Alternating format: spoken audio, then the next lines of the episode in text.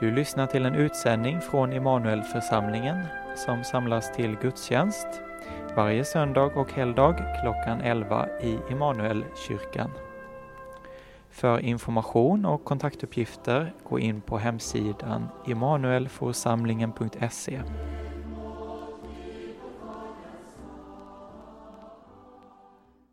Vi ber helige Fader, helga oss i sanningen, ditt ord är sanning. Skriv det i våra hjärtan. Amen.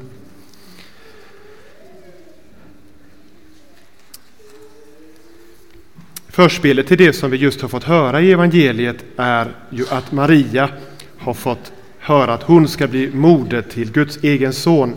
Ingen Gabriel kom till henne. Och på distans kan vi sitta här och tänka att det är förunderligt och märkligt, omöjligt att förstå att Guds son har blivit en människa i detta mikroskopiska foster på ett ögonblick. För Maria själv så var det säkert också förunderligt och märkligt, omöjligt att förstå. Men förmodligen också en, en stor, stor förskräckelse. En oro och en undran, varför just jag? Hur ska det här kunna vara möjligt? Vad kommer att hända med mig? När den helige guden börjar att växa fram i mitt eget moderliv. Och säkert kom nästa, snart nästa förskräckelse när hennes trolovade Josef började märka att det växte fram ett liv i hennes kropp som inte var hans, som inte han hade gett upphov till. Och så står det att han i hemlighet planerade att bryta trolovningen eh, som en följd av detta. Det som förmodligen var just Marias stora skräck. Att hon skulle behöva inte bara få bära allt detta utan också bli lämnad ensam med detta barn som skulle betraktas som en oäkting i en kultur som inte skulle se med barmhärtighet på det. Så utsatt, så utsatt som hon måste ha blivit. Det är lätt att tänka väldigt andligt om jungfrufödseln, att det har hänt något stort här. Men för Maria måste detta ha varit en, en alltför verklig skräckhistoria. En ytterst svår vardag, dag för dag, att, att ta hand om. Men så mindes också eh, eh, Maria ängelns ord. Det här är liksom ett litet tillägg, men ändå ett viktigt tillägg. Ett litet halmstrå från Gud, nästan att uppfatta det som. Att Maria, din släkting Elisabet ska få också ett barn på sin ålderdom. Genom ett Guds ingripande. Och så tänker jag att detta ord ifrån ängeln om Elisabet, denna liksom bisats, blir för Maria ett halmstrå som också förklarar varför hon skyndade sig till Juda bergsbygd. Det ligger ju långt ner i söder eh, per fot. Det är flera dagars mödosam resa. Men hon skyndade sig dit. Maria bara måste dit. Gud har sagt att släktingen Elisabet också väntar. Och det måste vara sant in i denna svåra situation som Maria kommit i. Och så kommer hon till Elisabet och hennes möte med Elisabet överträffar hennes förhoppningar. Inte bara visar sig Elisabet vara eh, långt gången i, sin, i sitt havandeskap, precis som Gud hade sagt.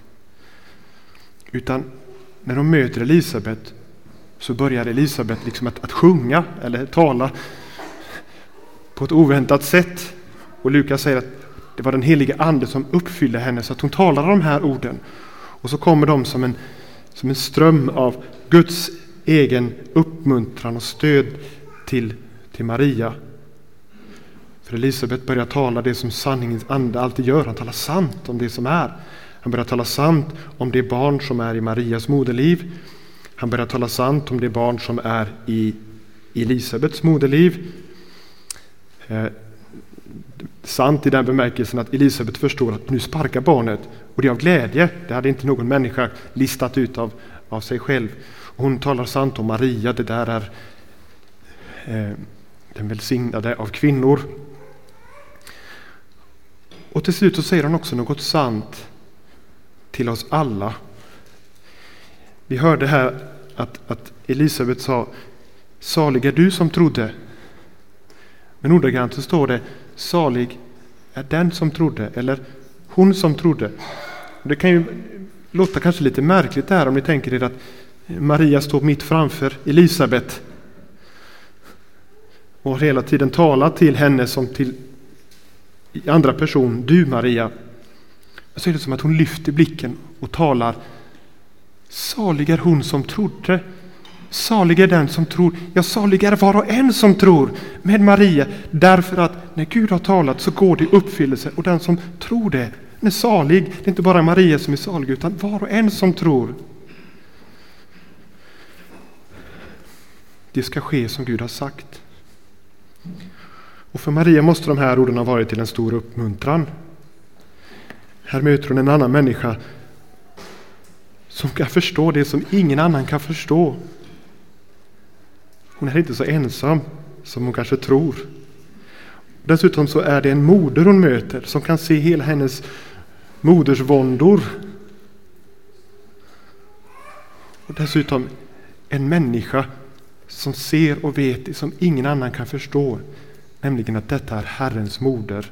Det är Gud själv som vilar under Marias hjärta. Och det gav Gud till Maria som en hälsning, som en hjälp, som en bekräftelse på att Gud, när Gud har talat så blir det så. Och Maria, när du nu har på detta löftesordet om att Elisabet också skulle vara havande, har gjort denna mödosamma resa ner till Elisabet, så har du fått se att Gud är trofast. Han förblir trofast. Men de här orden som, som Elisabet liksom sjunger ut, att det är den heliga Ande som säger det genom Elisabet, ska hjälpa oss att tänka att det här är sanna ord från Gud och de gäller oss alla. Och då vill jag lyfta fram tre sidor av det här. Att sanningens ande talar till oss. Han talar sant om oss själva. Så som det blev sant, jag ska återkomma till det, för Elisabet. Hon insåg något om sig själv när hon fick Guds andes ljus. Och för det andra så talar den heliga Ande sant om Jesus. Det som går långt utöver vad vi kan förstå eller ta in, det talar Anden till oss. Och för det tredje så vill också den helige Ande ge tro på denna sanning.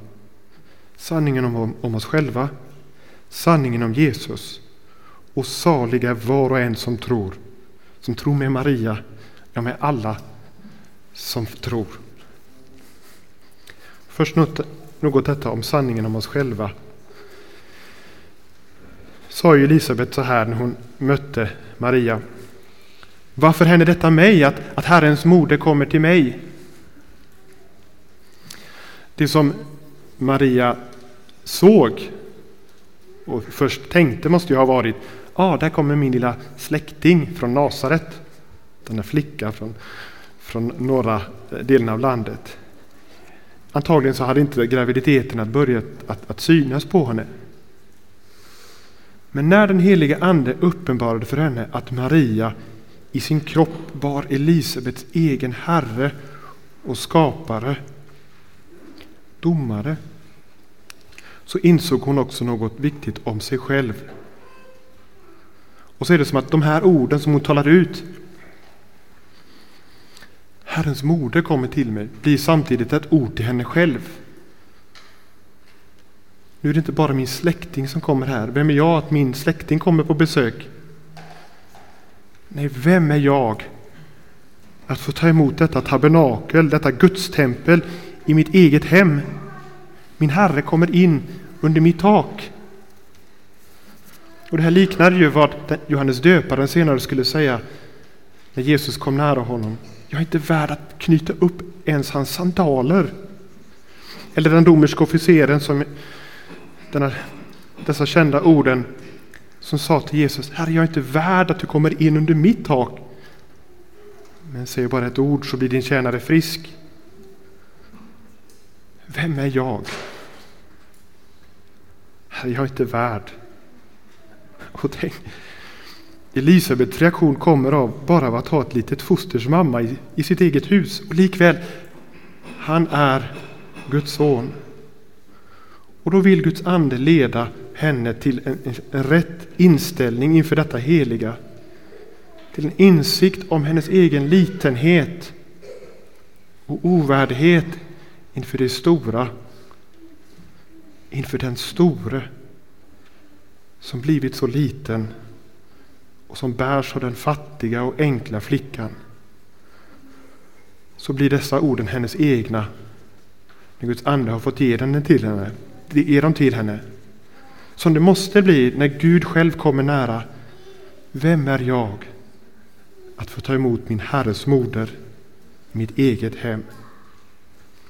Och samme ande han vill också leda oss till en sådan insikt om vår egen ovärdighet inför honom. Vår egen litenhet inför Gud, inför Guds son. Var och när och hur han än bärs till oss, fattigt enkelt. I vårt gudstjänsthäfte, som man gärna kan begrunda lite också för, eh, de små kommentarerna till vad som händer så finns det en, ett, ett förslag på en liten bön inför det att man tar emot nattvarden. Herre, jag är inte värd att du kommer in under mitt tak. Men säg bara ett ord så blir din tjänare frisk. För i nattvarden kommer något ännu mer än det som kom in i Elisabets hus. Visst, i Marias moderliv där är Kristi kropp och blod under, under, liksom, under utveckling, om man säger så. Men här i hans kyrka så får du höra att samma kropp, samma blod blir för dig utgjutet, utgivet och utgjutet till syndernas förlåtelse. För det är det som har hänt från den stunden då kroppen och blodet närmade sig Elisabet i hennes hus till här. Denna kroppen, detta blodet har utgjutits och offrats på Golgata kors till ett försoningsoffer. Så att denna kropp nu, när den räcks åt dig och åt oss, är fullt av nåd, av sanning som vi hörde, av godhet. Och här fattas inte något av det som du i djupaste bemärkelse behöver. Guds gåva av nåd till dig. Herre, jag är inte värd att du kommer in under mitt tak. Men säg bara det ordet att det är för dig utgiven och utgjutet. Så har jag det ordet från dig Gud att gripa om och ta till mig. Då handlar det inte om min egen ovärdighet eller litenhet utan om Guds ord och löfte. Och när jag har tagit emot så svarar jag bara Amen, låt det ske med mig som du har sagt.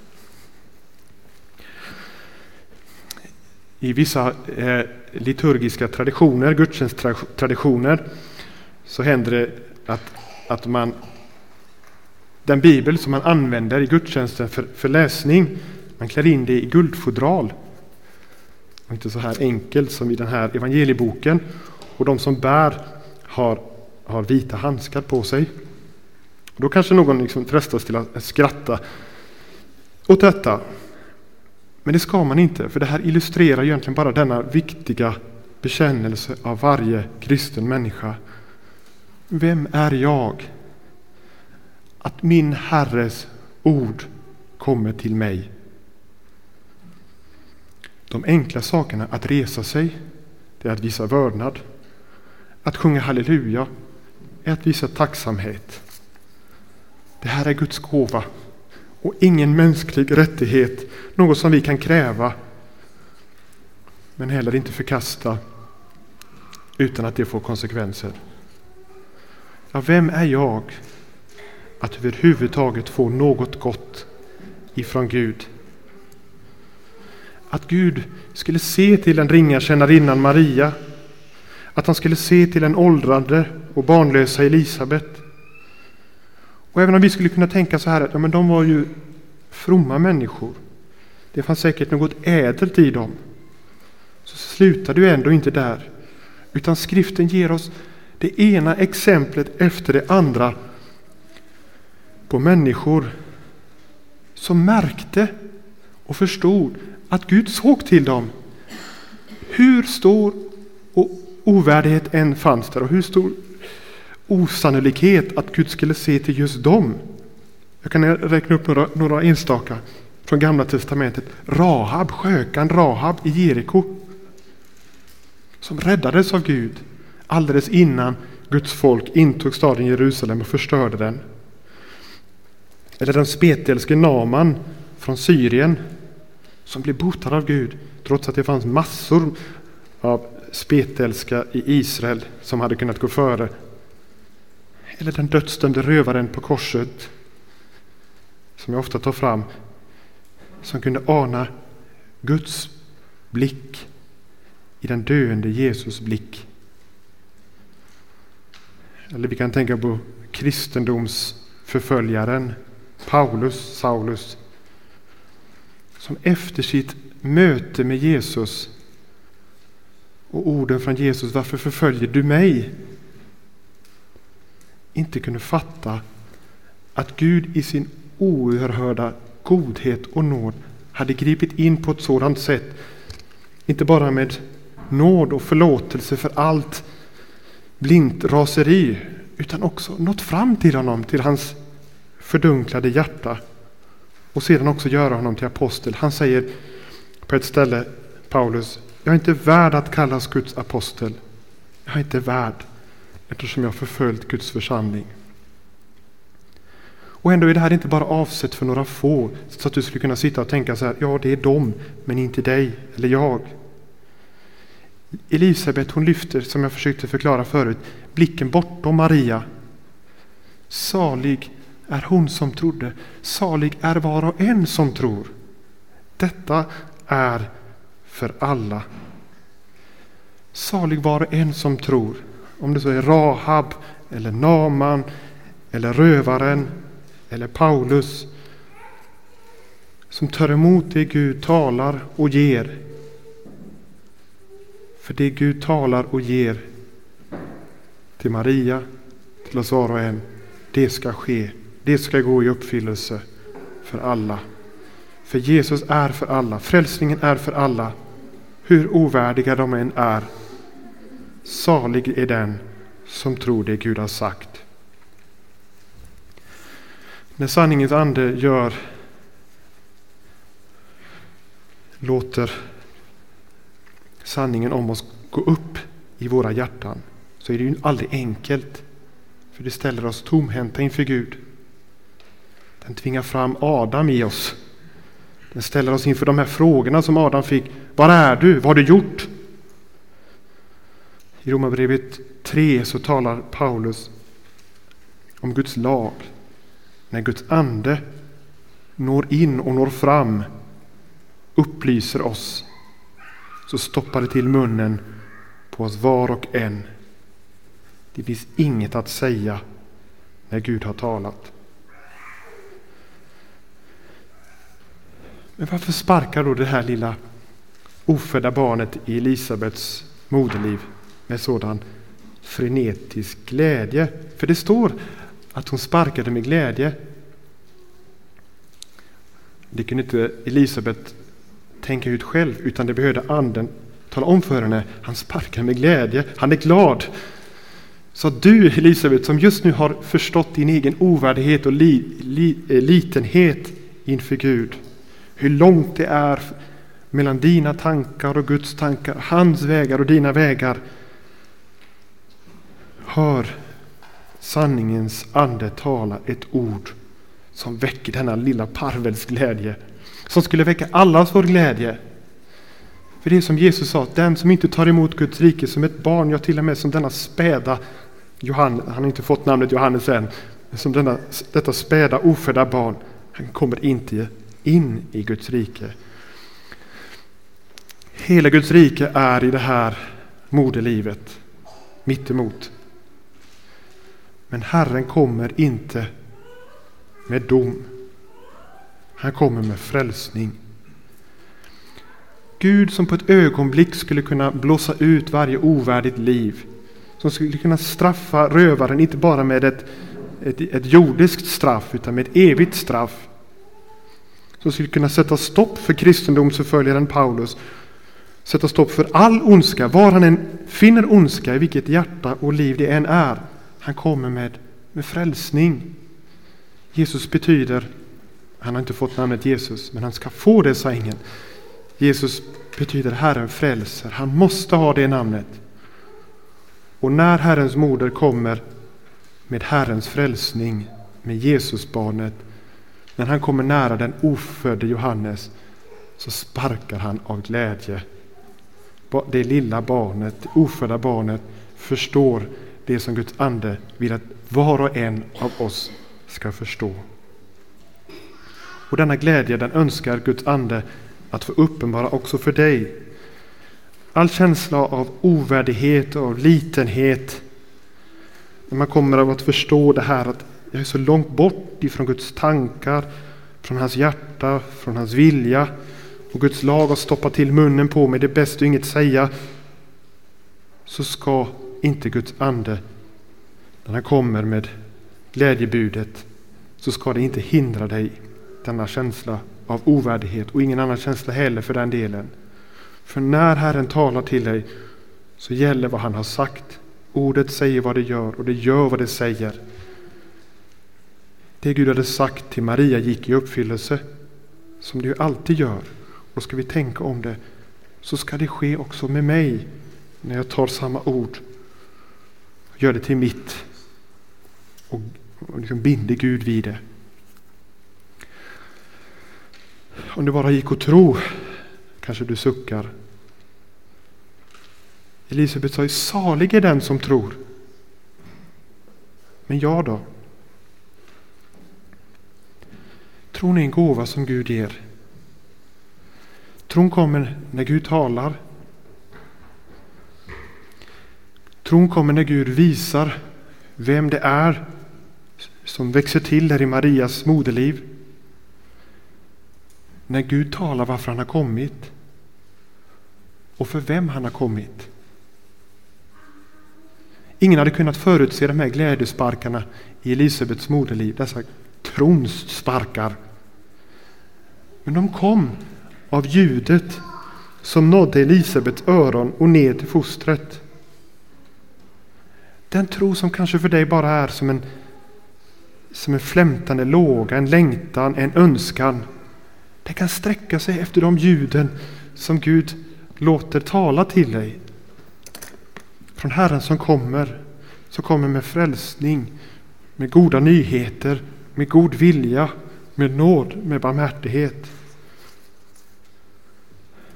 Och här och nu, inte bara för Maria en gång för länge sedan, utan här och nu, när du hör de orden, avlösningsorden, dina synder är dig förlåtna, så är det ord ifrån Gud att gripa om. Och du kan säga med Maria, ske med mig som du har sagt. Och Gud kan inte ljuga. Och i löftena som är knutna till brödet och till vinet, här Kristi kropp för dig. Hör det. Ät det. Och hur passande är det då inte att säga de orden, Herre, jag är inte värd att du kommer in under mitt tak, in i min mun. Men det handlar inte om min egen ovärdighet eller känsla av värdighet, utan på ditt ord, Herre. Och då hör du nästa ord. Kristi blod för dig utgjutet. Hör! Drick! Och så sker det som han har sagt. Till syndernas förlåtelse, till liv och salighet, som det står i katekesen. Och då ska du tänka så här att salighet är inte i första hand himlen, även om himlen är salig. Utan det handlar om tron. Salig är du som trodde, salig är hon som trodde, salig är var och en som tror redan här och nu. För du ska få se Gud uppfylla allt vad han har lovat. Ja, du ska få se Gud själv i himlen, men framför allt löftenas fullbordan. Amen. Låt oss be. Tack, o Gud, att du i ordet giver stöd ut i vår svaghet här. Bättre då vår lovsång bliver när vårt lopp fullbordat är. Då vid tidens slut vi får arvet som vi väntat på och vi kunna säga glada, det har skett som Jesus sade. Amen.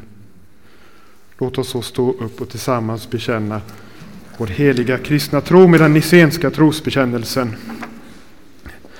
Jag tror på en enda Gud, allsmäktig Fader, skapare av himmel och jord, av allt vad synligt och osynligt är, och på en enda Herre, Jesus Kristus, Guds enfödde son, född av Fadern före all tid, Gud av Gud, ljus av ljus, sann Gud av sann Gud, född och icke skapad, av samma väsen som Fadern, på honom genom vilken allting är skapat, som för oss människor och för vår salighets skull har stigit ned från himmelen och tagit mandom genom den helige Ande av jungfrun Maria och blivit människa, som och har blivit för oss korsfäst under Pontius Pilatus, lidit och blivit begraven, som på tredje dagen har uppstått efter skrifterna och stigit upp till himmelen och sitter på Faderns högra sida,